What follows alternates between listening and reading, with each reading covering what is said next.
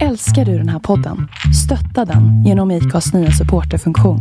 Det är helt upp till dig hur mycket du vill bidra med och det finns ingen bindningstid. Klicka på länken i poddbeskrivningen för att visa din uppskattning och stötta podden. Normally, being a little extra can be a bit much, but when it comes to healthcare, it pays to be extra. And United Healthcare makes it easy with Health Protector Guard fixed indemnity insurance plans. Underwritten by Golden Rule Insurance Company, they supplement your primary plan, helping you manage out of pocket costs without the usual requirements and restrictions like deductibles and enrollment periods. So when it comes to covering your medical bills, you can feel good about being a little extra. Visit uh1.com to find the Health Protector Guard plan for you.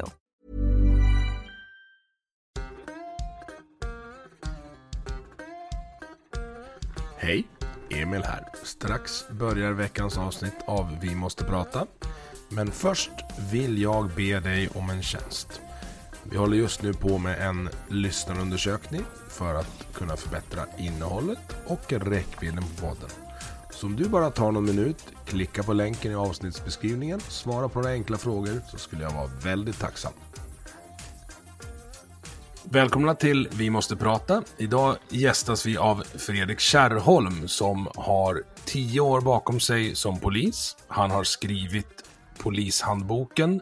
Han driver nu säkerhetsföretag och kandiderar för Moderaterna till riksdagen. Han är väldigt aktiv i den kriminalpolitiska debatten och det är också det eh, jag tänkte vi börjar att prata om. Men först, välkommen Fredrik! Tack så jättemycket. Kul att vara med. Jag ska se. Jag ska säga att det här är andra inspelningen idag för vi har haft lite tekniska problem. Men vi, vi eh, tuggar på.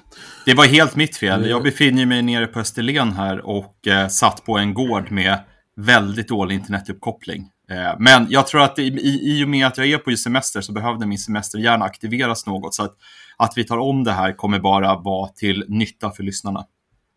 Ja, och jag har ju glömt det vi har pratat om redan. Så det, vi, vi kör på med att du får berätta lite om vem du är, var du kommer ifrån, varför du blev polis och vad du vill göra nu. Det vill säga i princip någon slags livshistoria. Eh, ja, jag eh, är 37 år gammal och eh, sökte till Polishögskolan när jag var eh, relativt ung. Jag var bara 21 år när jag sökte och blev antagen.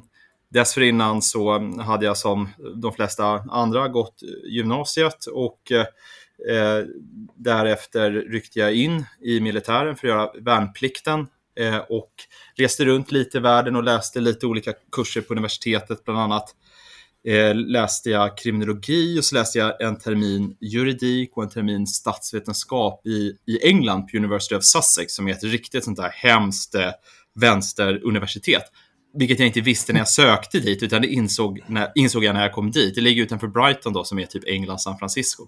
Men det var en upplevelse i sig. Eh, men det var nog när jag... Kulturkrockar alltså? Eh. Ja, på flera plan. Men det var när jag, det var när jag pluggade en termin juridik på Stockholms universitet som eh, jag började fundera lite på eh, vad jag hade egentligen först siktet inställt på att bli jurist, men då började jag konkretisera de planerna och kunde utesluta att jobba som bolagsjurist, intresserade mig inte, försvarsadvokat var uteslutet, domare tror jag inte skulle eh, passa mig. Eh, och då kokade det ner till åklagare. Men åklagaryrket idag är väldigt administrativt och i, i, i hög grad ett eh, pappersarbete. Bortsett från de tillfällen man då i, i tingsrätten eller rättens huvudförhandling. Så att polis, eh, polisyrket lockade mig mer och så sökte jag då helt enkelt till polisutbildningen och på den, på den vägen är det. Eh, och sen när jag började jobba som polis så eh, studerade jag kriminologi, först vid Stockholms universitet och senare läste jag in då en, en master på, på Cambridge. Och så jag skrivit några böcker däremellan och som du nämnde figurerat en del i den kriminalpolitiska debatten.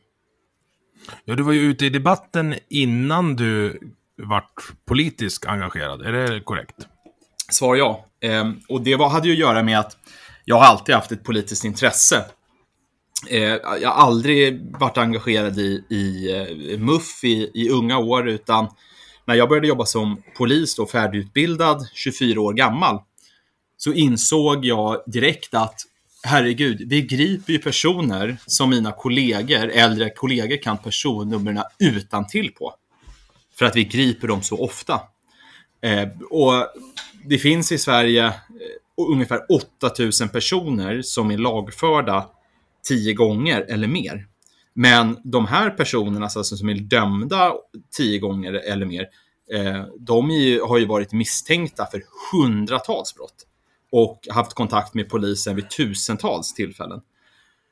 Det måste ju generera en viss uppgivenhet hos de som liksom ser samma personer ja, men gripna på kvällen och ute till lunch dagen efter. Ja, men för mig var det helt uppenbart att det här är ju liksom individer som eh, skadar och förstör eh, och sprider skräck och oro och kostar både eh, enskilda individer, företag och det offentliga väldigt mycket pengar.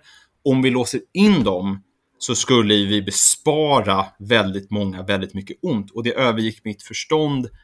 Varför, slå, varför håller vi på och daltar med de här högaktiva kriminella? Det var det ena. Det andra var att personer då som begår grova brott mot enskilda människor så upplevde jag att de här brottsoffren får inte upprättelse. Eh, och det här, för mig så är det här i grunden en fråga om Eh, rättvisa. Och det var så att säga min drivkraft kring att börja skriva om de här frågorna. Samtidigt då som jag jobbade som polis så började jag studera kriminologi vid Stockholms universitet och där eh, insåg jag att många är, var totalt verklighetsfrånvända. Eh, och det har väl då varit en ytterligare drivkraft för att jag har velat, jag har velat erbjuda, eh, eller jag har känt mig nödgad att tillhandahålla alternativa perspektiv då jämfört med de som ofta har framkommit i debatten genom då kriminologer och andra förmenta experter. Och så skrev du polishandboken, eller skrev om den. Berätta om det. Ja, precis. Och polishandboken det är ju ingen opinionsbildning, utan det är ren facklitteratur. Som sagt, jag hade studerat lite juridik innan jag började på polisutbildningen och på polisutbildningen så insåg att eh, ett, den juridiska litteraturen som tillhandahölls polisstudenterna, oss polisstudenter, den var ju skriven för blivande jurister och därmed så att säga onödigt komplicerad. Och juridiken, även den juridiken som styr polisens arbete, är i hög utsträckning väldigt komplicerad. Om vi tar till exempel polisens möjlighet då att beslagta alkohol i olika situationer och mot personer i olika åldrar. Så totalt sett regleras det av sju olika lagstiftningar. Eh, och istället då för att poliser ska tvingas att sitta och läsa eh, liksom väggar av text med, med paragrafer och beskrivningar på juridisk svenska så gjorde jag då tillsammans med min medförfattare Andreas Elmebo kopplingsschema.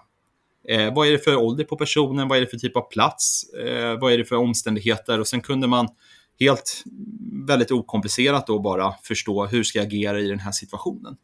Eh, och det där tycker jag är en väldigt bra, eh, bra pedagogik att helt enkelt instruera studenter som ska jobba i praktiska yrken. Så här gör du, det här är rätt, det här är fel. Det blir väldigt tydligt för den enskilde, eh, man vet vad man ska göra, det minskar risken för fel. Istället så tillämpar man i hög utsträckning på polisutbildningen något som kallas problemorienterat lärande. Och det betyder att studenten får inte en tydlig instruktion, utan studenten ska då eh, ta del av den här eh, omfattande litteraturen och i sökandet då, i sö själv söka efter svaret och i den processen tillgodogöra sig mer kunskaper.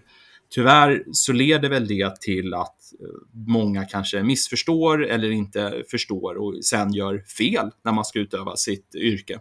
Så där har väl tanken varit att göra, skriva då ett, ja, eh, eh, skapa ett praktiskt tydligt komplement till, till mm. blivande poliser och nya poliser. Den är väldigt populär och kom ut i en sjunde upplaga här nu i våras. Ja, det är bra. Grattis. Tack. Det låter lite som att du beskriver polisyrket, i varje fall den, vad ska vi kalla ingripande delen, polisen på gatan, eh, verkligheten, som något av ett, alltså förenklat ett hantverksyrke. Ja, men det är det. Det finns ju många som vill göra polisutbildningen akademisk. Jag är ganska sval inför det. Jag tror att det är bättre att eh, istället fokusera mer på de praktiska delarna i polisyrken. Lära sig juridiken ordentligt, det är ju en akademisk bit, men utöver det förhörsteknik, hur ska man bemöta människor, eh, akutsjukvård, bilkörning så att man kör säkert, eh, hur man brottar ner personer, fysiska ingripanden, radiohantering, hantera olika IT-system så att man säkerställer liksom en effektiv utredningsprocess. Eh, snarare än att man ska ha liksom, fler seminarier där man ska sitta och eh, diskutera eh, liksom intersektionell teori och eh, olika liksom, former av beteendevetenskapliga eh, teorier på ett abstrakt sätt. Jag, jag, tror inte att vi får, jag tror inte medborgarna är behjälpta av det. Jag tror inte medborgarna får en bättre polis av den typen av utbildning. Men visst har de ändrat lite i rekryteringen. Jag har sett de här annonserna alltså är du specialist på någonting så har vi användning för dig-kampanjen eh, går ju nu. Är inte det ett steg i rätt riktning då? Ja, förutom då den här polisutbildningen som är två år lång eh, och sen gör man en sex månaders aspiranttjänstgöring så har man skapat någonting som kallas funktionsinriktad polisutbildning. Och det är ett sätt helt enkelt att rekrytera experter som då kan gå en kortare, eh, kortare utbildning.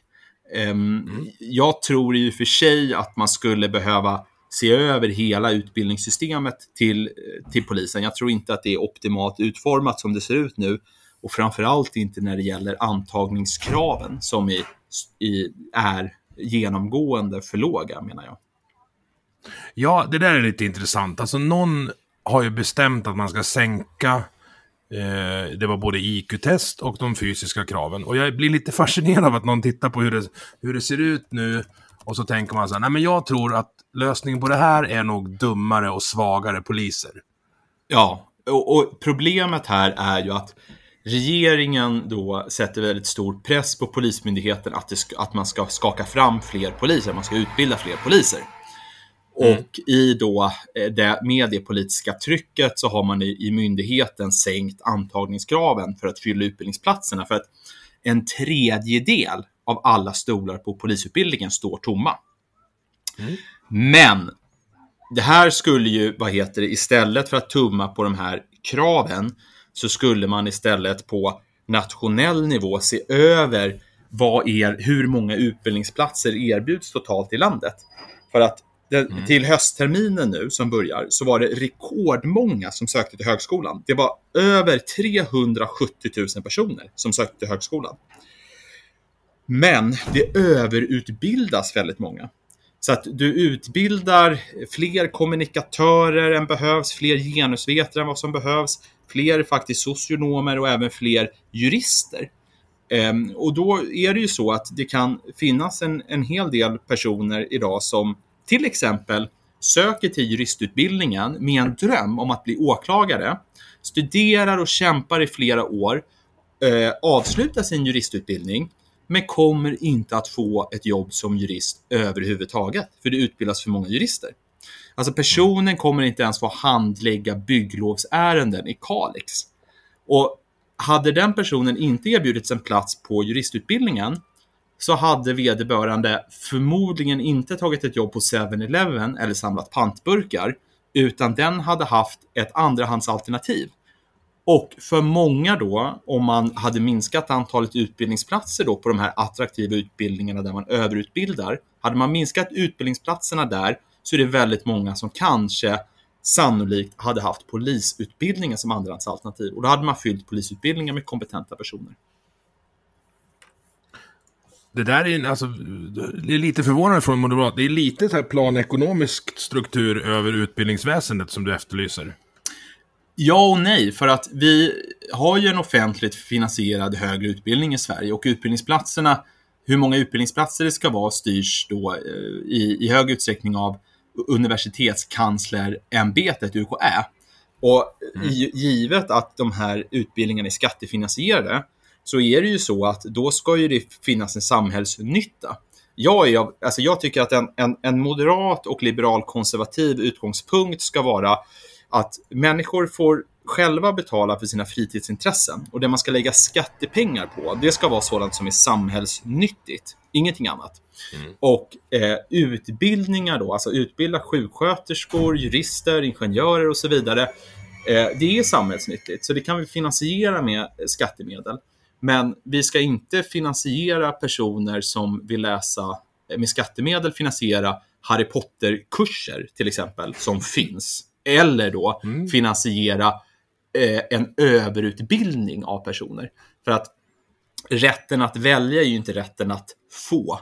Eh, sen om det är så att det, att det finns då eh, visst några eller någon som vill skapa ett privat universitet där studenterna får betala för sin egen utbildning, by all means, fine. Men nu har vi ett annat system och då tycker jag då ska vi inte överutbilda eh, när, när det inte finns någon samhällsnytta. Mm, det var väl argumenterat måste jag säga. Det där, det där, du har tänkt på det förr. Det hördes att det var inte första gången du, du tog upp det. Uh, hur ser arbetssituationen ut för polisen idag? Hur ser kriminaliteten ut idag? Och skiljer den sig något från det som rapporteras i de stora mediekanalerna? Arbetssituationen för poliser generellt sett är förjävlig.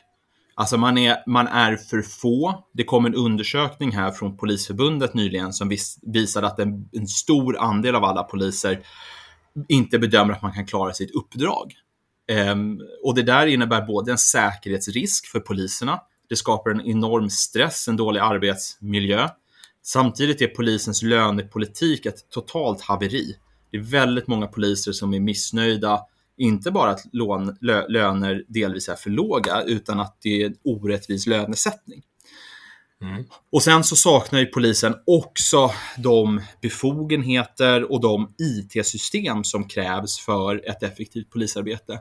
Och som, som då eh, på allt det här då så är det ju också ett kulturproblem i samhället där det finns väldigt mycket hat och dåliga attityder, inte bara mot polisen utan mot det offentliga och svenska samhället i stort.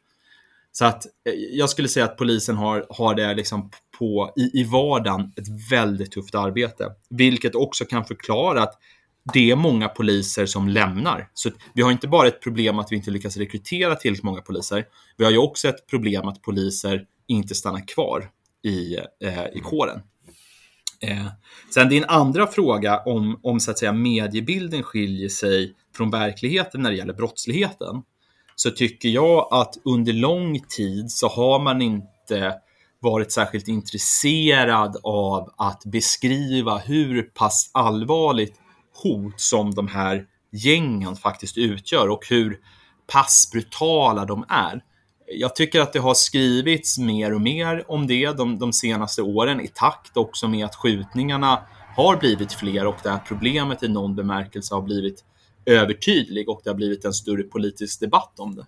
Men en sak som jag fortfarande tycker är underrapporterad och underdebatterad, det är hotet från organiserad brottslighet som är mer sofistikerad. För det vi ska komma ihåg att det det, det rapporteras mest om, det är de här skjutningarna. Ehm, och de som skjuter mest är de minst organiserade gängen. Det är ganska låg medelålder, det är låg organisationsgrad, man är inte så strukturerade. Men, men de, de mer eh, avancerade kriminella nätverken som är mer organiserade och framförallt de släktbaserade kriminella nätverken, de utgör så att säga det verkliga hotet mot det svenska samhället. För de hotar i verklig mening då och utmanar kommuner, myndigheter, eh, staten och eh, företag. Vad bedriver de för, för typ av verksamhet och är de sammankopplade med uh, skjut, gängen, om man ska kalla dem. Jag ska bara stänga ett fönster här, förlåt. Så ja, gör det. ljud i bakgrunden. Eh. Så förenklat så kan man, kan man säga att det finns eh, tre kategorier av kriminella nätverk. Den ena kategorin, kategorin kallar jag förortsgäng. Det är unga killar som har vuxit upp tillsammans, gått i samma klass, bor i samma bostadsområde. Eh, den andra kategorin är då släktbaserade nätverk, kriminella klaner.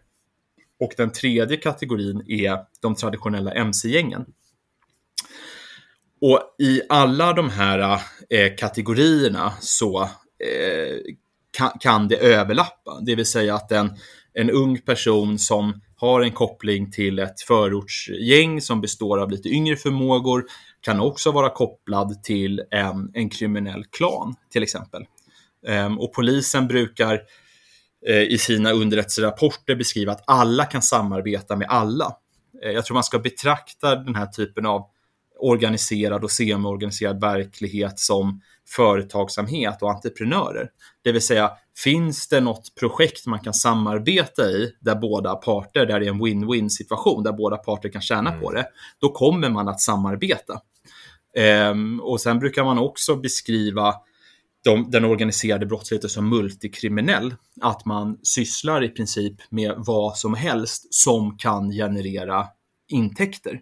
Om det är prostitution, narkotikahandel, utpressning, eh, assistansbedrägerier, eh, omfattande fakturabedrägerier mot företag och bostadsrättsföreningar, eh, smugglingsbrott, eh, you name it, människosmuggling, så, så, kommer man att, eh, så kommer man att syssla med det.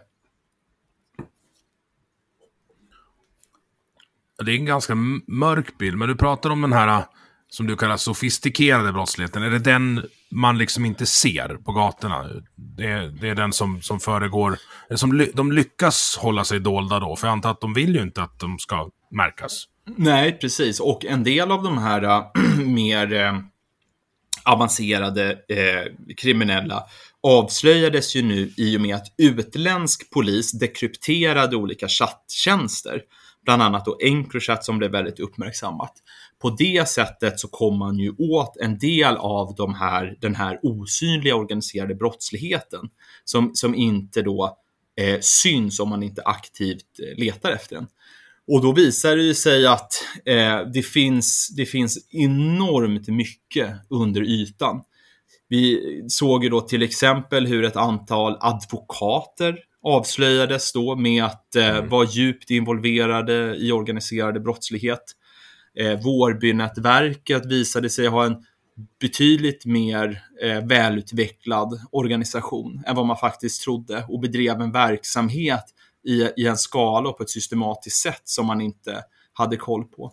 Det som genererar eh, både så att säga polisens direkta uppmärksamhet och, och, och journalisters och allmänhetens uppmärksamhet, det är ju de här skottlossningarna. I USA pratar man om att if it bleeds, it leads. Men mm.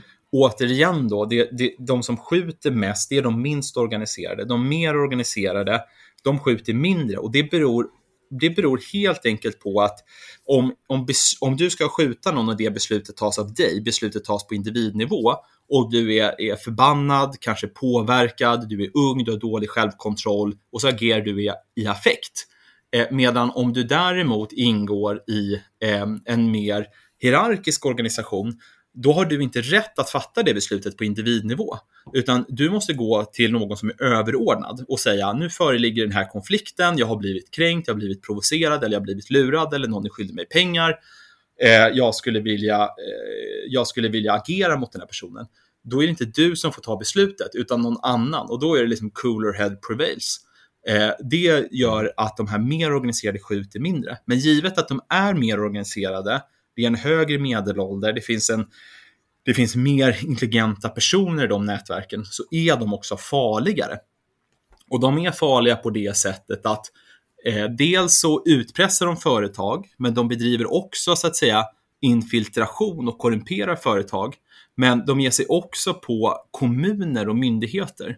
Och när det handlar om kommuner, då kan det handla om allting ifrån eh, kommunala bostadsbolag, att man får förtur i, i bostadskön. Eller att man hotar handläggare för att någon ska undvika eller undgå att bli, bli vräkt. Det kan handla om att man, eh, man det bedrivs restaurangverksamhet och man hotar sig till utskänkningstillstånd eller hotar till sig att inte få utskänkningstillstånd indraget. Det kan ha med bygglov att göra. Eh, när det är då sådana här släktbaserade kriminella nätverk så kan det handla om att man vill hålla socialtjänsten borta eller att betyg ska sättas eh, på ett visst sätt. Så att det, det, kan handla om egentligen allting i den kommunala verksamheten och då är det både så att säga utpressning och hot, men det är också att man har personer på insidan eh, som, som, som jobbar, jobbar åt den och där kan det ibland vara i i en gråzon. Att du, det är personer som har vuxit upp eller har någon släktkoppling och den personen har en förväntansbild på sig att hjälpa till och vet att om jag inte gör det här, då, kommer, då, kommer, då, då riskerar jag att hamna i en, i en dålig sits. Eh, sen är det också många som, som agerar utan att det så att säga sker, uttalas ett direkt hot. För att man vet att jag har en väldigt farlig person framför mig som har ett väldigt stort våldskapital och jag vill inte göra den personen arg. Så att det är inte alltid heller att det finns ett, ett uttalat hot. Så att det här är liksom, det är väldigt, eh, det är väldigt eh, komplext. Det kan se ut på väldigt många olika eh, sätt. Men, men kontentan är att kommuner är extremt då påverkade av den organiserade brottsligheten. Det kom ju förra sommaren en rapport från Göteborgs kommun eh, som var då egentligen en intern rapport där man inventerade hur kommunen påverkades eh, då i de här utsatta områdena i kommunen. Och där konstaterade man just det att i princip alla delar av kommunens arbete var påverkade. Eh, och så ser det ut i väldigt många kommuner. Här för några månader sedan så var det ju också en grovt kriminell som blev skjuten när han satt i en bil och bilen tillhörde en kommunpolitiker. Um, och det är ju bara en, så här, en, en fingervisning om att de här problemen med också infiltration och kopplingar till kriminella nätverk, de finns inte bara på tjänstemannanivå, utan det här går upp till politisk nivå. Hur är det där jämfört med övriga nordiska länder? För kollar man på skjutningarna så står vi ut. Eh, vad, beror det på samma sak? Som, alltså om, ja, jag, jag tänker medan jag pratar här. Mm. Så skjutningarna står ut i Sverige. Står den här korruptionsnivån som du beskriver nu, alltså de mer sofistikerade, vet man hur det är jämfört med, ja, säg Norge, Danmark, Finland? Och beror det i sådana fall på samma orsak? Då kan man först och främst bara eh, hålla, man bör hålla tungan rätt i mun när man pratar om korruption. För att vardagskorruptionen i Sverige som består i att människor till exempel mutar en polis för att inte få en fortkörningsböter eller man eh, eh skjuter lite pengar emellan för att komma före i en vårdkö eller snabbare få ett läkarbesök. Den typen av vardagskorruption, eh, monetär eh, korruption, är väldigt begränsad i Sverige. Där har vi väldigt låg grad av korruption. Den, mm. den, korruptionen som är stor i Sverige och omfattande, det är den här mer systematiska korruptionen. Hur de offentliga välfärdssystemen utnyttjas och pumpas på pengar av då, eh, organiserad brottslighet. Um, och där var det tre statsvetare som skrev en artikel i DN Debatt här vid årsskiftet, där de hade inventerat en lång rad rapporter från myndigheter, och eh, akademiska rapporter och rapporter från arbetstagarorganisationer om den här typen av problem. Och de, tyck, de jämförde då Sverige med situationen i södra Italien. Och mm. det där är nog en verklighetsuppfattning som de flesta, in, de flesta svenskar inte riktigt har. För att utvecklingen i Sverige har gått så fort så att många har helt enkelt inte korrigerat sin sin verklighetsbild. Men det är där vi står. Det är, ja, jag mår lite dåligt när du berättar sånt här. eh, om vi tar tillbaka till skjutningarna då. Mm. Om vi går ner på den mindre sofistikerade verksamheten. Eh, där står ju Sverige ut jämfört med i princip alla, länder, alla närliggande länder. Varför gör vi det? Varför har det här drabbat oss så hårt? Precis. Vi, vi har ju en, en brottsparadox i Sverige. Så att i majoritetssamhället så minskar brottsligheten. Det är färre som dör i det man brukar kalla alkoholrelaterat dödligt våld. Alltså krogbråk och fylleslagsmål på fester. Eh, det är också fler, färre som tack och lov dör då i våld i nära relation. Vi har mm. färre narkomaner som hugger ner varandra med kniv och så vidare. Samtidigt då som vi har, eh, och färre misshandel överhuvudtaget, men samtidigt då som vi har fått en gängkriminalitet som är extremt rå. Det är rena avrättningar, man skjuter med automatvapen, man genomför bombdåd, eh, systematisk utpressning och så vidare. Och de här problemen är väldigt tydligt kopplade då till våra utanförskapsområden. Och våra utanförskapsområden är en direkt konsekvens av invandringen. Mm. Och det finns en enorm överrepresentation, både vad det gäller brott eh, i allmänhet, men i synnerhet då den här formen av grov organiserad brottslighet, så finns en överrepresentation bland personer som har utländsk eh, bakgrund. Så det är en huvudförklaring till varför de här problemen finns i Sverige, men inte alls i samma utsträckning då i Finland, Norge och, eh, och Danmark. Sen är det ju så att vi har fått en betydligt värre situation i Sverige än vad som hade varit så att säga eh, eh eller situationen i Sverige är värre än vad den skulle behövt vara om det hade funnits vissa kompensatoriska eh, åtgärder. Om vi tittar till exempel på Tyskland så har ju de haft, de har inte haft i närheten av lika stor invandring i förhållande till befolkningen. Men de har haft en stor invandring från samma, eh, eh, samma delar av världen som Sverige haft invandring ifrån och det har uppstått segregerade områden då med en liknande ekonomisk och social struktur i Tyskland som det gjort i Sverige. Men där har man inte alls samma problem med den här typen av brutal gängkriminalitet. Och min teori, eh, och det här stödjer jag inte på eh, några forskningsstudier, eh, annat än en väldigt väl belagd då, teori om att människors att människor överhuvudtaget begår brott, det beror i grunden på våra värderingar, den enskilda moralen och vår förmåga till självkontroll. Det vill säga om du befinner dig i ett omklädningsrum och du ser att där ligger en plånbok med kontanter i. Eh, det, det, det, kan vara riskfritt för dig att ta den här plånboken. Men huruvida du gör det eller om du går till receptionen och lämnar in den, det beror på dina värderingar. Och eh, de flesta människor som till exempel då är väldigt fattiga, de kommer inte stjäla plånboken. Så att eh, det, det, går inte att bara förklara brottslighet på grund av sådana här socioekonomiska faktorer, utan det kokar ner till eh, moral och då även självkontroll. För ibland kan det vara så att man vill, man vill gärna ha någonting eller man är arg så att man skulle gärna vilja slå den där förbannade idioten på truten, men man har då en förmåga till självkontroll. Och det här är någonting som, som man måste eh, lära sig och vi föds inte onda eller goda, utan vi genomgår en socialisationsprocess. Och föräldrar har ett stort och ett grundläggande ansvar. Men det är som det heter då i, i, i det här gamla ord, ordstävet att eh, det krävs en by för att uppfostra ett barn. Och precis så är det. Och byn Sverige, eller byn som finns i de utsatta områdena, de lyckas inte med det här. Men jag ser att det är tydligt att byn Tyskland även då de här segregerade områdena i Tyskland lyckas mycket bättre. Och det där tror jag till, till hög grad beror på att det svenska samhället är relativt kravlöst.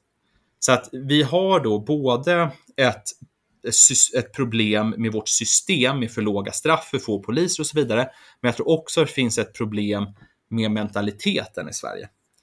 Ehm, och man brukar säga då för att det, det börjar med en knappnål och slutar med en silverskål. Det vill säga att för alla så börjar det, det, det är ingen som från ena dagen till den andra så att säga tar upp en kalasjnikov och skjuter någon i huvudet. Alltså du sitter inte hemma hela din uppväxt och lägger patiens och dricker te med mormor och sen så liksom begår du ett tortyrmord. Eh, om du liksom inte är djupt psykiskt störd. Utan det handlar om att man börjar med små saker Eh, och sen så gradvis då så eskalerar det. Eh, man snattar någonting, man stjäl en moped, eh, man börjar vara springpojke åt liksom äldre kriminella, man skaffar ett, ett, ett en pistol, eh, man lånar en pistol så att, så att det, det trappas upp. Eh, och där, om man tillämpar då en, en nolltolerans, och då menar jag inte bara rent polisiärt, utan även i skolan, hur elever uppträder mot varandra, hur man beter sig på bibliotek, hur man beter sig i kollektivtrafiken, hur man beter sig i butiken, hur man beter sig i badhuset. Om man inte skapar något utrymme för normavvikelser, då kommer man undvika att den där knappnålen stjäls och då kommer i slutändan heller inte silverskålen att stjälas. Um, och, och, det där i kriminologin känns som broken window theory. Det vill säga att om man har då en, en nolltolerans mot små eh, förseelser så kommer man förebygga grövre brott. Så att eh, det långa svarets korta mening är att invandringen är en central förklaring till den brottssituation vi har i Sverige.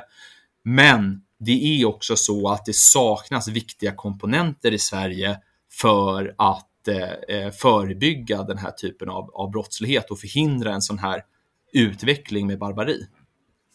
För det som påmålas, du, du är någon slags en representant för hårdare straffhögern, eller vad man ska kalla batonghögern, och, och får kanske inte så ofta prata så här länge som vi pratar idag. Men det utmålas alltid som att det finns någon slags dikotomi mellan eh, hårdare straff, fler poliser på ena sidan, eller eh, sociala tidiga insatser. Men det finns ju... Jag har inte hört någon som bara förespråkar en del av de här grejerna. Eh, Nej, precis. Är, det... är inte det en ganska dum, dum debatt och polarisering? Ja, det är, en, det är en falsk motsättning. Det är en, falsk, det är en så kallad falsk dikotomi. Det, det, finns ingenting överhuvudtaget, något motsatsförhållande mellan att skärpa straffen och låsa in högaktiva kriminella förbrytare, det vill säga de här jag pratade om inledningsvis, som eh, jag och mina kollegor kunde personnumret utan till för att vi hade gripit dem så många gånger. Vi kan låsa in dem samtidigt som vi satsar på förebyggande eh, åtgärder.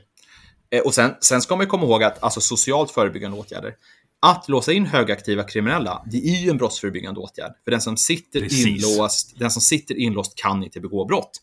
Då kommer den person som låses in som är högaktiv kriminell kommer dels förhindras att begå brott under tiden vederbörande sitter inne och när personen släpps, som i stigande ålder, så avtar då brottsbenägenheten. Sen de här sociala... Men då måste de sitta inne länge och så ja. måste de sitta inne Eh, det finns ju något som heter straffrabatt som jag svårligen kan eh, begripa på vad, vad, det, vad det finns för bakomliggande idéer och om man ens har liksom utrett om det får effekten man, man vill ha. Ja. Kan du berätta om den och varför den finns? Absolut. Får jag, får jag först bara svara på det här? För det, ja, det tycker jag är väldigt intressant med de här, det sociala förebyggande arbetet. Eh, för att där ska man ju bara, apropå det, det finns inget motsatsförhållande som sagt, men det är liksom ingen mirakelmedicin heller, någon, varken hårdare straff eller det här sociala brottsförebyggande arbetet är någon, någon, mirakel, någon mirakelmedicin. Um, och faktum är också, det finns ju ett, ett stort fokus på då att eh, minska inkomstskillnader, bygga ut socialtjänsten, Eh, och dylikt. Men det, under den tiden, under 1900-talets andra hälft, som det skedde, under tiden vi byggde ut den mest omfattande socialtjänsten i världen, under tiden vi fick ett enormt ökat ekonomiskt välstånd, under samma tid som eh, klass eller inkomstskillnader minskade, så ökade brottsligheten dramatiskt i Sverige. Och att, att så att säga bara satsa mer på det, det kommer, det kommer ha en högst marginell effekt. Det jag tror är viktigt är att i skolan, eh, på fritidsgården, i idrottsföreningar, så måste man fokusera mycket mer på eh, beteende och bibringa då unga människor, barn, elever sunda värderingar och moral och förmåga till självkontroll. Jag tror vi har alldeles mm. haft för mycket en snällism i Sverige att liksom, barn, barn får bete sig lite hur som helst eh, och bara man, är, bara man är snäll mot barn så kommer de bli snälla. Tvärtom så behöver barn en ordentlig uppfostran, lära sig rätt och fel, få styrning, framförallt då unga, unga pojkar som är i riskzonen. Och här, det tror jag är bland, bland det viktigaste vi, vi behöver göra. Eh, men, men det där hörs, hör, jag, hör jag någon väldigt sällan framhålla. Jag, jag har aldrig hört en journalist fråga en, en politiker, rektor eller forskare, hur ska vi se till att barn som växer upp får en bättre moral, bättre värderingar? Eh, det, det, det, är helt frånvarande i debatten och i förd politik. Man säger ju det mellan raderna när man pratar om att man ska eh, eftersträva socioekonomisk blandning i skolorna. Det är ju typ det man säger. Men sen har du, jag är ju mycket engagerad i skolan, alltså den här likvärdighet, eller lik, ja, likvärdig utbildning eh, som de kör med nu är ju en, jag anser att det är en direkt orsak till utslagning av framförallt killar. Ja. Killar och tjejer är olika, väldigt mycket så uh, runt och innan puberteten. Men nu har du I läroplanen står det att till och med sådana som mig med liksom kraftiga diagnoser ska vara i vanliga klassrum. Och det är inte rättvist mot varken ADHD-grabbarna eller de andra i klassen. Man kan inte, ut, alla är inte på samma form av mognadsgrad vid samma ålder. Och det är väl kanske den riktiga kompensatoriska uppgiften för skolan, men den tar man inte i. Nej. Sådana, vi... sådana som jag som, som har svårt med struktur söker mig till ställen som är strukturerade. Och om då, säg polisyrket är för akademiserat för att jag ska ha en chans att komma in dit, ja, gängen är också ganska strukturerade. Skinnväst eh, motorcykelpojkarna också väldigt strukturerade. Eh, då står de där och tillhandahåller ett, en gemenskap och en lojalitet som jag inte får i ett konstruktivt sammanhang av samhället. Och det mm. är livs, en livsfarlig utveckling. Ja. Det har varit skolpolitik här också med Moderaten. Nej men, det, nej, men det, nej, men det där är jätteviktigt. Sven Dahl skrev här för några veckor sedan en väldigt bra text i, i webbtidskriften Smedjan eh, med, med rubriken Vi behöver en skola för fler än folkpartisttjejer. Eh, ja. den, den är väldigt läsvärd och jag tycker den rubriken sätter huvudet på spiken och det är precis i linje med det du säger. Sen är det också så att de här gängens attraktionskraft, liksom att kunna sova till 11 varje morgon, tjäna pengar lätt, hänga med polare, få en hög social status i, i sitt lokalområde, kunna hävda sig, få, få makt. Alltså det är ju väldigt attraktivt och oh ja. alternativet för många eh, är liksom att, att liksom anstränga sig eh, och gå, ta ett lågkvalificerat, mer lågbetalt jobb som ger mindre pengar, har en sämre status och så vidare.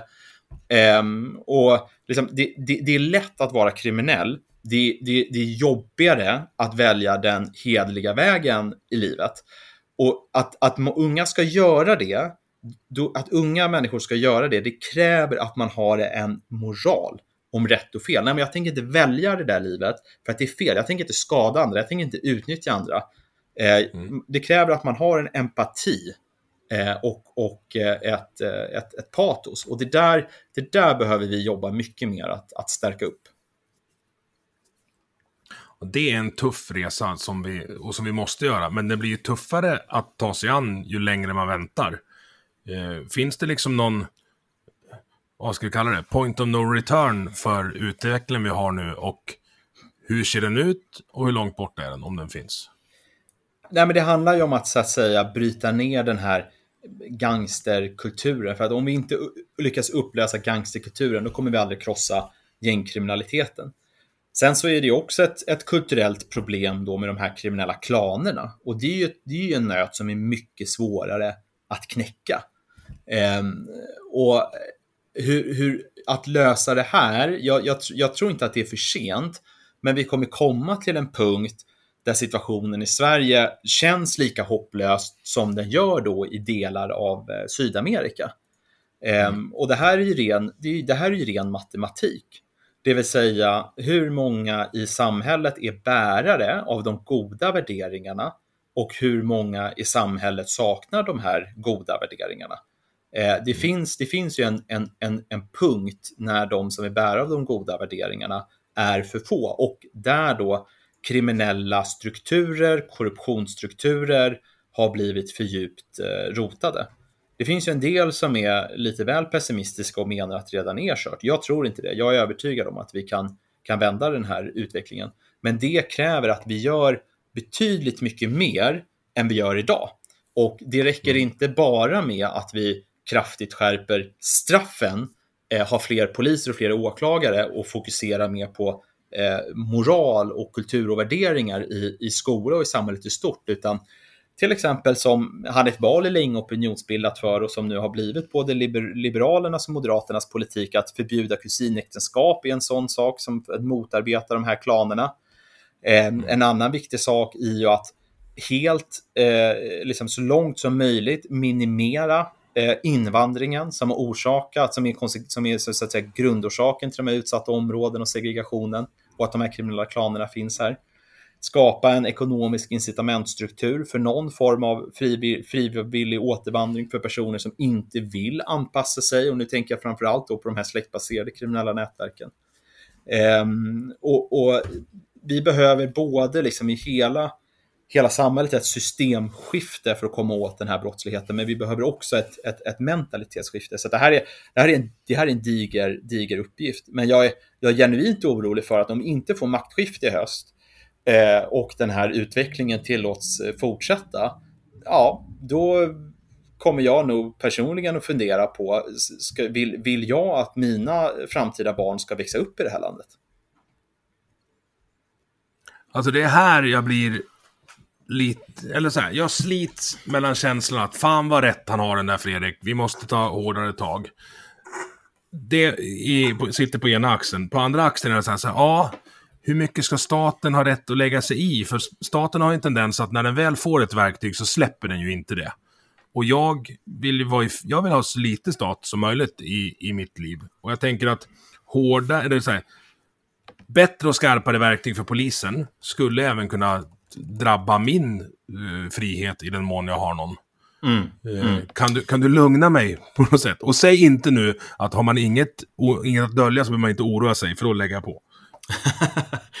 Nej, jag, jag, jag tror jag kan lugna dig, för att det, när det kommer just, om vi kommer då, om vi tittar liksom på straff och polisiära befogenheter, så handlar det ju om att de, de straff vi har idag, de kriminalisering vi har idag, de ska i huvudsak bestå och straffen ska skärpas. Det vill säga om du, om du döms för grovt vapenbrott och eh, våld mot tjänsteman och narkotikabrott och så vidare och du är gängkriminell så får du idag eh, drygt eh, två års fängelse. Den personen kanske ska ha 10 eller 20 års fängelse. Ehm, och det är för att det är ett rättvist eh, straff i grunden. Sen kommer det rättvisa straffet få väldigt mycket positiva effekter för att man kommer inkapacitera den här högaktiva kriminella och förebygga väldigt mycket, mycket brott och man kommer också se till att den personen inte kommer rekryter, kunna rekrytera eh, yngre personer till sin brottsliga verksamhet. Det är ju en typ av straffskärpning som aldrig kommer drabba dig så länge du inte så att säga kör runt med Kalashnikov i din bagagelucka och håller på att utpressa företagen i ditt närområde. Um, och, det gör jag inte. Nej, och jag tror problemet, problemet, eh, problemet om man bor där du bor är ju att det inte finns några poliser överhuvudtaget. Alltså, mm. det, vi, vi, kommer befinna, vi befinner oss väldigt långt från liksom någon form av nordkoreansk polistäthet i Sverige. Så att det är ett best case scenario då är ju att när du ringer polisen för att du behöver hjälp eh, så kommer polisen komma dit inom rimlig tid. Du, mm. Det kommer aldrig bli en situation att du upplever att eh, polisen så att säga patrullerar på din gata och kontrollerar dig hela tiden.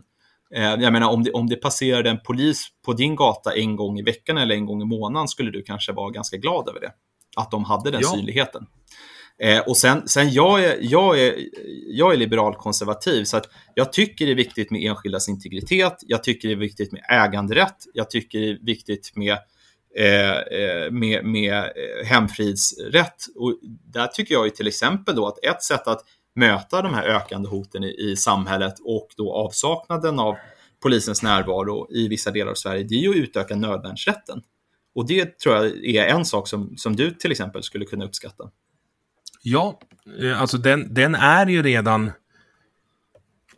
Så här, om man ska beskriva ett scenario hur, hur det skulle kunna gå till här ute. Eh, där det är en vardagskväll kan det vara en timme innan vi får hit en polis. Skulle det hända någonting här så kommer ju ingen ta hänsyn till vad nödvärnsrätten gör, utan det är en konsekvensdel efteråt. Mm. Folk här kommer försvara sin familj och sina grejer. Eh, lite som Morgan Johansson sa häromdagen, att man får liksom skydda sina, skydda sina prylar. Det kommer vi göra, alltså det har ju gjorts. Det har ju varit eh, utländska registrerade skåpbilar som haft jävligt bråttom från vissa byar här eh, genom åren. Mm. Eh, mm. Så det där görs ju redan. Men det, det finns ett glapp mellan vad ska vi kalla det, det allmänna bonderättsmedvetandet är nog större än det allmänna rättsmedvetandets glapp till lagstiftaren. För det ja. verkar inte som att folk förstår hur vi har det här ute. Nej, nej och, det, och det där är ju, vad heter det, det där ska man ju komma ihåg att hela tiden då när Morgan Johansson och andra pratar om att man prioriterar de särskilt utsatta områdena, man satsar poliser där det finns ju ett visst antal poliser. Det finns ett visst antal poliser som var, varje år tar examen från polisutbildningen. Och det är ett nollsummespel, så att när det blir fler poliser i utsatta områden, då blir det färre poliser i andra delar av landet. Mm. Och här tycker jag det är väldigt viktigt att upprätthålla en balans för att alla medborgare i Sverige ska ha liksom en, en rimligt tillgänglig eh, polis. Det ska inte vara det ska inte vara förunnat personer som då bor i områden där det är, är mer brottslighet än i, än i andra. Sen, sen, så tycker jag liksom att det finns ju, man ska inte låta sig luras av vänstersidans argumentation, för de kommer ofta med hisnande överdrifter. Eh, och inte bara vänsterpolitiker, utan vi kan ta till exempel Advokatsamfundet, där de varnar för att eh, ja, vi, vi, det blir en eh, polisstat och, och, och övervakningssamhälle och så vidare. Ja, om vi liksom ger tullen befogenheter och resurser att upprätta gränskontroller som vi hade på 80-talet för att förebygga då att de här inbrottsligorna vill komma till Sverige. Jag, jag ser inte att det blir en polisstat. Alltså, det är lite som att Socialdemokraterna vill ju nu har ju infört nya skatter och vill införa den här beredskapsskatten för, att, för, att, för de då lögnaktigt hävdar att det behövs för att finansiera försvaret. Eh, alltså en parentes där, med världens fjärde högsta skatter så behöver vi inte en till skatt för att här, finansiera en av statens grunduppgifter. Men hur som helst, När, de, när de vill höja skatten, om någon då skulle säga liksom att ja, nu står vi på randen till att liksom, ha kommunism i Sverige. Nej, det har vi inte. Om vi får ett skattetryck som är högre än Danmark så betyder inte det att vi har kommunism i Sverige. Och på motsvarande sätt, om vi får en polistäthet som, som motsvarar den i till exempel eh, Tyskland så innebär det inte att vi blir en fascistisk polisstat. Så att man ska, vad heter det, eh, man, man ska inte låta sig luras av den här vänster, vänsterretoriken. Du, vi hoppar över straffrabatten. Vi skulle prata om det. Alltså, jag förstår den inte. Eh, kan du förklara varför den finns, hur den funkar och berätta vad du tycker om den? Eh, du menar vi hoppar till straffrabatten? Ja, vi, vi pratade om den för typ 20 minuter. Ja, just det, precis. Vi, vi, vi, hoppade över den, ja. Ehm, ja. Nej, men vi har ju då i Sverige ett system där om du begår flera brott så är det bara det första brottet som hela straffvärdet utdöms.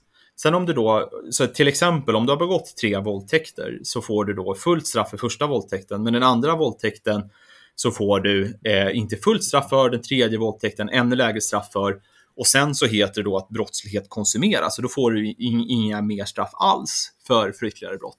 Och det där är väldigt problematiskt. Ett, för att det är inte rättvist mot brottsoffren. Två, för att då uppnår vi inte en inkapaciterande effekt med långa straff. Och tre, där du har personer, kriminella, som inte sitter häktade i väntan då på att det ska bli huvudförhandling, då har de i princip ett frikort. Det vill säga förhärdade brottslingar som vet att de står åtalade för eh, olika typer av, av, av brott. De kan då bara fortsätta köra bil utan körkort. De kan, de kan snatta, de kan till och med eh, begå olaga hot eller liksom ringa misshandel, slå till någon. Väl medvetna om att allting de gör fram till då den här huvudförhandlingen kommer bara konsumeras, det vill säga det kommer inte innebära ett eh, högre straff. Och, och det, där är, det där är ett extremt vidrigt system på ren svenska. Mm. Men vad, vad är, alltså finns det någon rimlig förklaring till det systemet? Vad är grundtanken? Grundtanken, då får man ju backa bandet och titta på tillkomsten av den svenska eh, brottsbalken på 60-talet. Och i förarbetena till den så föreslogs det, alltså i de offentliga utredningarna som föregick lagen, så föreslogs det att begreppet straff helt skulle utmönstras. Eh, för att det var inte syftet med påföljderna. Syftet med påföljderna var att vårda. Sen gjorde regeringen då, som var socialdemokratisk, en eftergift gentemot högerpartiet, dåvarande Moderaterna, som ville ha kvar då begreppet straff. Man ville ha då eh, blocköverskridande uppgörelse kring, kring den här nya brottsbalken. Men man var alltså nära på att utmönstra begreppet straff för att hela syftet då var att man ska rehabilitera. Och liksom de, det tankegodset återfinns ju i, i begreppsapparaten som vi fortfarande använder då, att vi, vi talar om kriminalvård. Alltså kriminalvården heter den myndighet som ska verkställa de här påföljderna. Den heter inte straffmyndigheten eller fängelsemyndigheten, utan den heter kriminalvården. Och vi talar också om att människor återfaller i brott brottslighet. Alltså du återfaller i sjukdom, det är någonting passivt, men du återfaller ju inte i brottslighet. Du upprepar brottslighet eller begår brott igen, det vill säga det är en aktiv handling. Ja, så att det finns ett synsätt eh, på som är historiskt under 1900-talet på att den som begår brott är offer för olyckliga omständigheter och har ganska eget, litet eget liksom moraliskt ansvar för sitt handlande. Eh, och, och, då har man också låga eh, påföljder. Eh, och syftet är inte att låsa in människor, syftet är inte att inkapacitera människor, utan syftet är att re rehabilitera. Och om du då dömer personer som begår upprepade eh, brott och det skulle leda till väldigt långa straff, då, då, då lirar det liksom inte med grundtankarna med systemet. Men, men det här är ju också anledningen till att vi behöver göra om, det, göra om lagstiftningen i grunden. Vi har en brottsbalk som är över 50 år gammal, som är byggd på helt andra idéer än vad, vad vår, vår straffrätt borde byggas på. Mm. Det finns något argument, om man, om man begår 40 stölder och får fullt straff för alla dem så får man sitta inne längre än om man begår misshandel eller våldtäkt. Och då säger man att det är orimligt. Jag tycker att det är orimligt att man ska begå 40 stölder. Alltså, med den argumentationen ska jag kunna gå och köpa 20 cyklar och säga att ja, men det är inte rimligt att de här kostar mer tillsammans än vad en bil kostar. Alltså, jag, jag köper inte resonemanget i, i, om det nu är i förarbetet eller i, i lagtexten. Nej, eh, alltså det, det, blir en ganska komplicerad eh, diskussion. Eh, man, man, kan ju tänka sig att det finns situationer där, där liksom en, en, eh, någon, en tjej som är 16 år blir påkommen att under ett års tid då har liksom snattat vid 50 olika tillfällen. Det, det kanske då blir inte helt rättvist att så här, rakt av bara så att säga addera straffvärdet för varje sånt här enskilt, eh, enskilt brott. Eh, så att jag, jag, tror att man ska ha man, man, ska ha no, man ska nog ha ett något mer flexibelt system än att det bara eh, byggs på. En del, en del förespråkar ju då till exempel det som finns i vissa amerikanska delstater, three strikes and you're out. Eh, risken med den typen av väldigt liksom, kategoriska system är att det blir fall som, man, som blir orättvisa helt enkelt. Så att där tycker jag att det, man ska bygga in en viss, viss, flexibilitet som den dömande makten kan, kan nyttja, tror jag. Ja, det, alltså det kan jag köpa, men då måste man flytta liksom uh, kurvan, platta ut den lite så att, så att man låser in folk. För folk som begår många brott, de borde ju vara de som är svårast att få att sluta begå många brott. Det borde finnas en korrelation där. Absolut. Absolut. Och jag menar om vi, vi, vi, vi tar och systemet som det är idag, det är ju också, det är också det är horribelt. Jag, jag, tycker att utgångspunkten här, egentligen när det gäller all, eh, alla straff, det måste vara rättvisa. Den här Nytorgsmannen då, som blev dömd för en lång rad våldtäkter, han fick ju tre och ett halvt år. Och det beror mm. just på det här att eh, vi har en sån extensiv mängdrabatt. Alltså han skulle ju, att han skulle minst haft 12 års fängelse, kanske 20 års fängelse. Jag är öppen mm. för att den där typen av liksom serievåldtäktsmän till och med skulle kunna få livstidsfängelse. Så att vi, vi, vi behöver definitivt, eh, definitivt göra om systemet. Men det är, det är också därför som jag har valt att, att kandidera eh, till Moderaterna. För att eh, man har då omprövat sin kriminalpolitik och, och, driver nu linjen att vi behöver göra en, en grundläggande översyn av eh, av straffrätten med generellt sett kraftiga straff, eh, se över eh, mängdrabatten, eh, att gängkriminella ska få dubbelt så hårda straff till exempel. Så att med, med den typen av reformer så tror jag att alla som, nästan i princip alla som efterfrågar skärpta straff i Sverige kommer bli väldigt nöjda. Ja, men det känns som det kommer ta lång tid. Alltså straffrätt förändringar är ingenting man liksom klubbar igenom som en ändringsbudget. Nej, men jag, jag vet inte, liksom, man, man, borde ju på... Det behöver ju, liksom, att ska man göra om hela brottsbalken eh, och även se över specialrättslig straff, strafflagstiftning så, så behöver man ju utreda det ordentligt. Och det kan ju låta som en tråkig politikerkommentar, men, men, men det behöver göras för att annars kan det gå väldigt fel. Juridik, det är komplicerad materia. Så du behöver ha ett gäng jurister och andra sakkunniga som sitter och tittar på det här i, i ett par år och verkligen går igenom varje liten detalj. Men det, ska, det borde inte behöva ta mer än, än, än, än två år att utreda en sån sak. Och det är ju, mm. då talar vi om en halv, halv mandatperiod. Sen när lagen är stiftad, då är det nya lagen som, som gäller. Sen ser jag framför mig att med en, gör, att göra om brottsbalken, det kommer innebära också, i likhet här nu med när man stiftade den här nya lagen om blåljussabotage, att, att saker måste prövas i, i hovrätt och högsta domstol så att man får fram en ny praxis.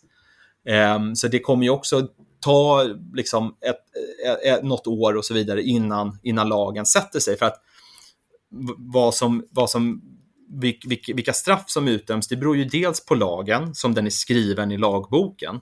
Men det beror ju också på den praxis som domstolarna formar. Men där ska man också komma ihåg att den praxis som domstolarna formar, när de, när de tittar då och formar praxis, då tittar de ofta på det som kallas förarbeten, det vill säga de här utredningarna som har gjorts innan man stiftar lagen. För då tittar domstolarna på, okej, okay, men vad, vad var lagstiftarens intention? Vilka exempel använder lagstiftaren då i, sin, i, i sina föregå, i förarbeten i form av utredningar och propositionen då till riksdagen? Och propositionen är ju viktigast då. Ehm, och därför är det så otroligt viktigt att göra en ordentlig utredning och skriva väldigt noggrant formulerade propositioner så att man styr då en ny praxis i rätt riktning. Vilka är de lägst hängande frukterna då för, för att eh, stoppa utvecklingen är det ju nu och sen i förlängningen vända den? Oj, ja men det, det, vi har ju då liksom, vi, vi, måste släcka de bränder som redan brinner och vi måste stoppa nya bränder från att tändas. Och det finns ju då vissa saker som vi behöver göra. Vi behöver liksom låsa in låsa in de här grovt kriminella. Och vissa saker behöver inte ta så lång tid att utreda. Men göra om hela brottsbalken i grunden kommer ta lång tid.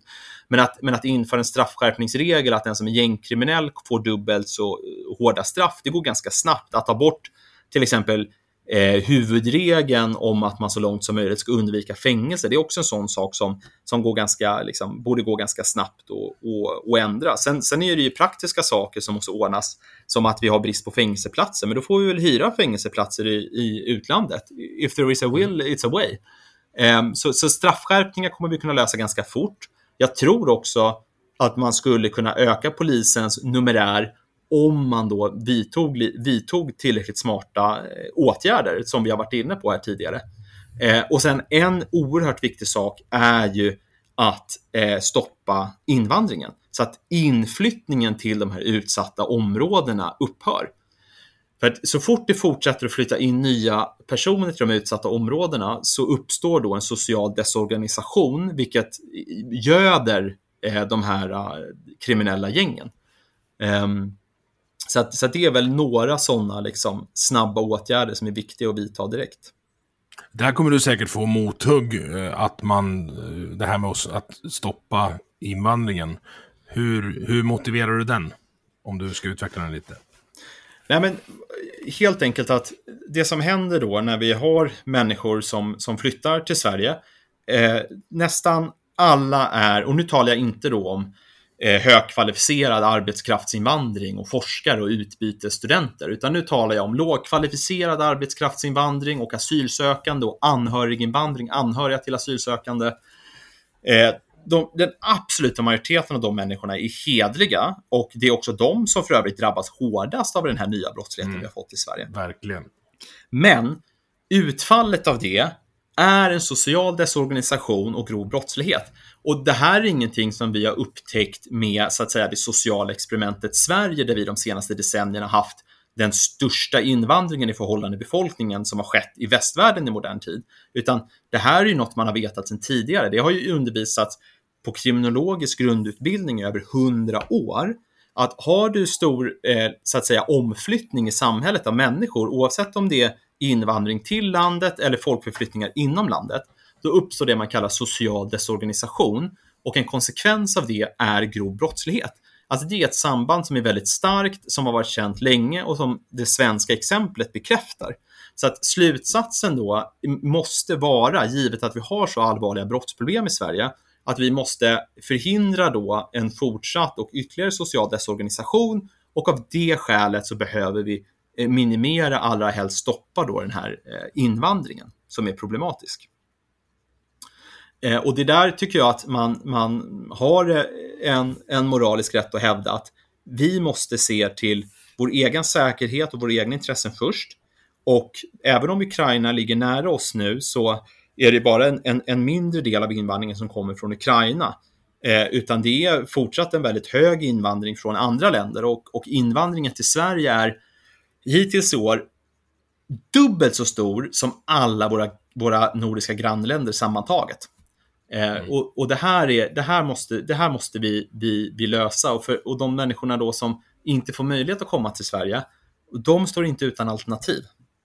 Så Sverige angränsar inte till, till, till eh, krigshärder. Sverige gränsar inte till Somalia.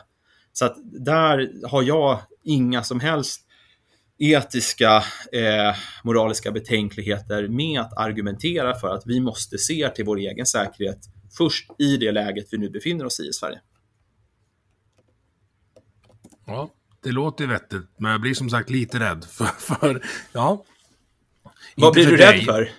Nej, men det, alltså, det, det låter ju kallt, eh, men det kanske är det som behövs. Och jag tror ju tyvärr att du har rätt i att det behöver bromsas rejält för att eh, vi inte ska få den här, ska vi kalla det systemkollapsen som folk har varnat för och som man inte vet hur den ser ut. Ja, jag, jag, tror, jag tror inte att vi kommer få någon systemkollaps, men jag tror att vi kommer få, om vi inte så att säga vidtar adekvata åtgärder och vänder den här utvecklingen, kommer vi få ett samhälle som gradvis kommer fortsätta att präglas av mer organiserad brottslighet, av mer brutalt våld, av en ökad generell eh, otrygghet, av en ökad segregation, splittring, av stora så att säga eh, spänningar i samhället. Vi kommer få en sämre ekonomisk utveckling.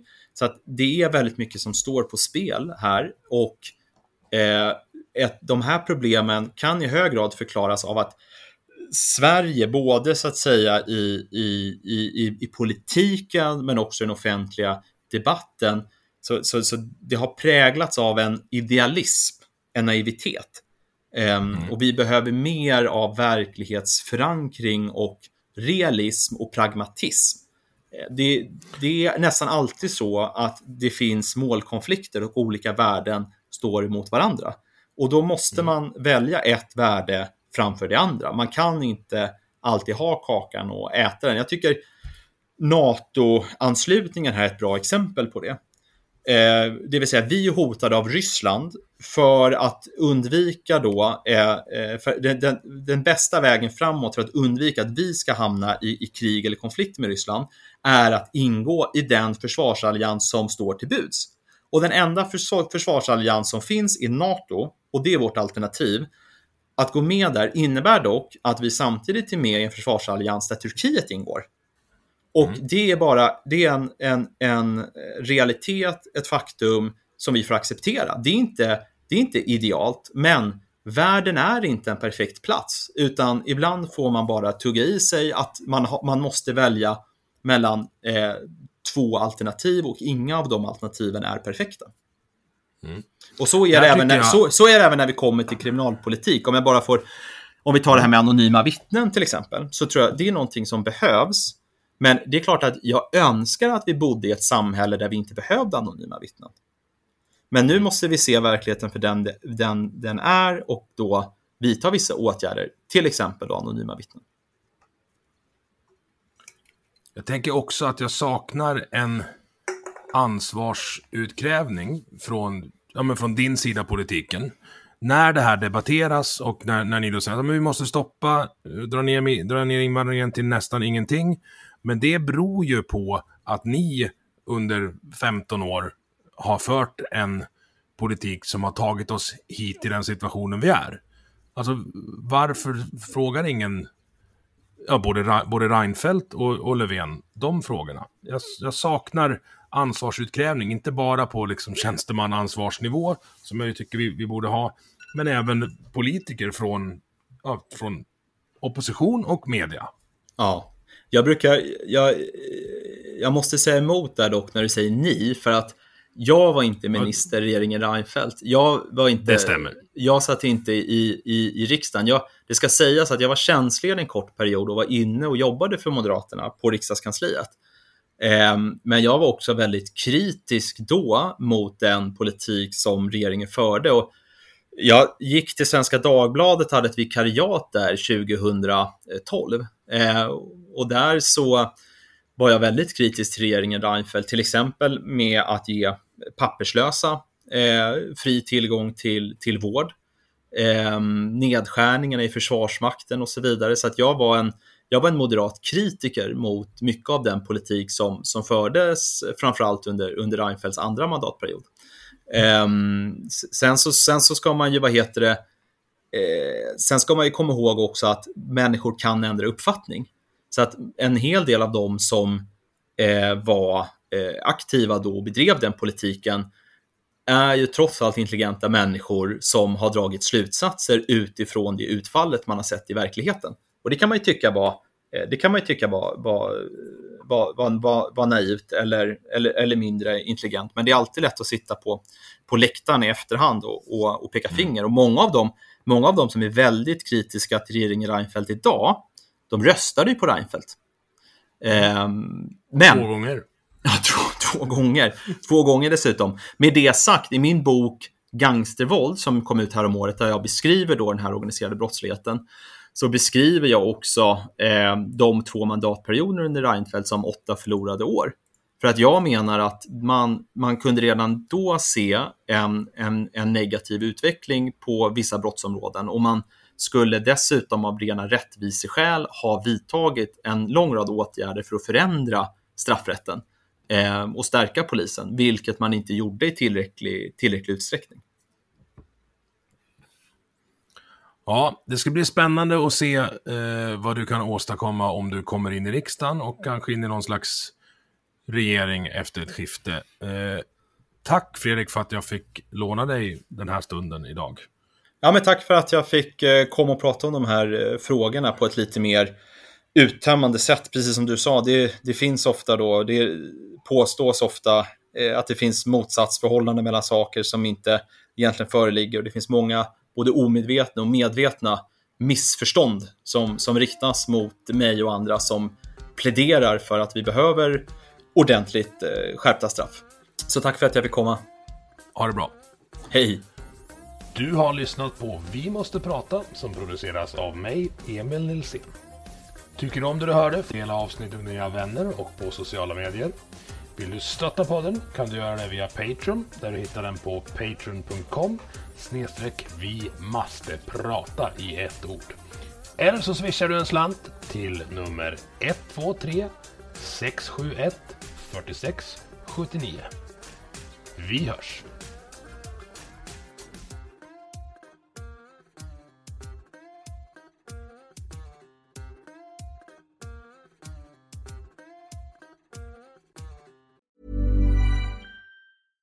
Even when we're on a budget, we still deserve nice things. Quince is a place to scoop up stunning high-end goods for 50 to 80% less than similar brands. They have buttery soft cashmere sweaters starting at $50, luxurious Italian leather bags, and so much more. Plus, Quince only works with factories that use safe, ethical, and responsible manufacturing. Get the high-end goods you'll love without the high price tag with Quince. Go to quince.com/style for free shipping and 365-day returns.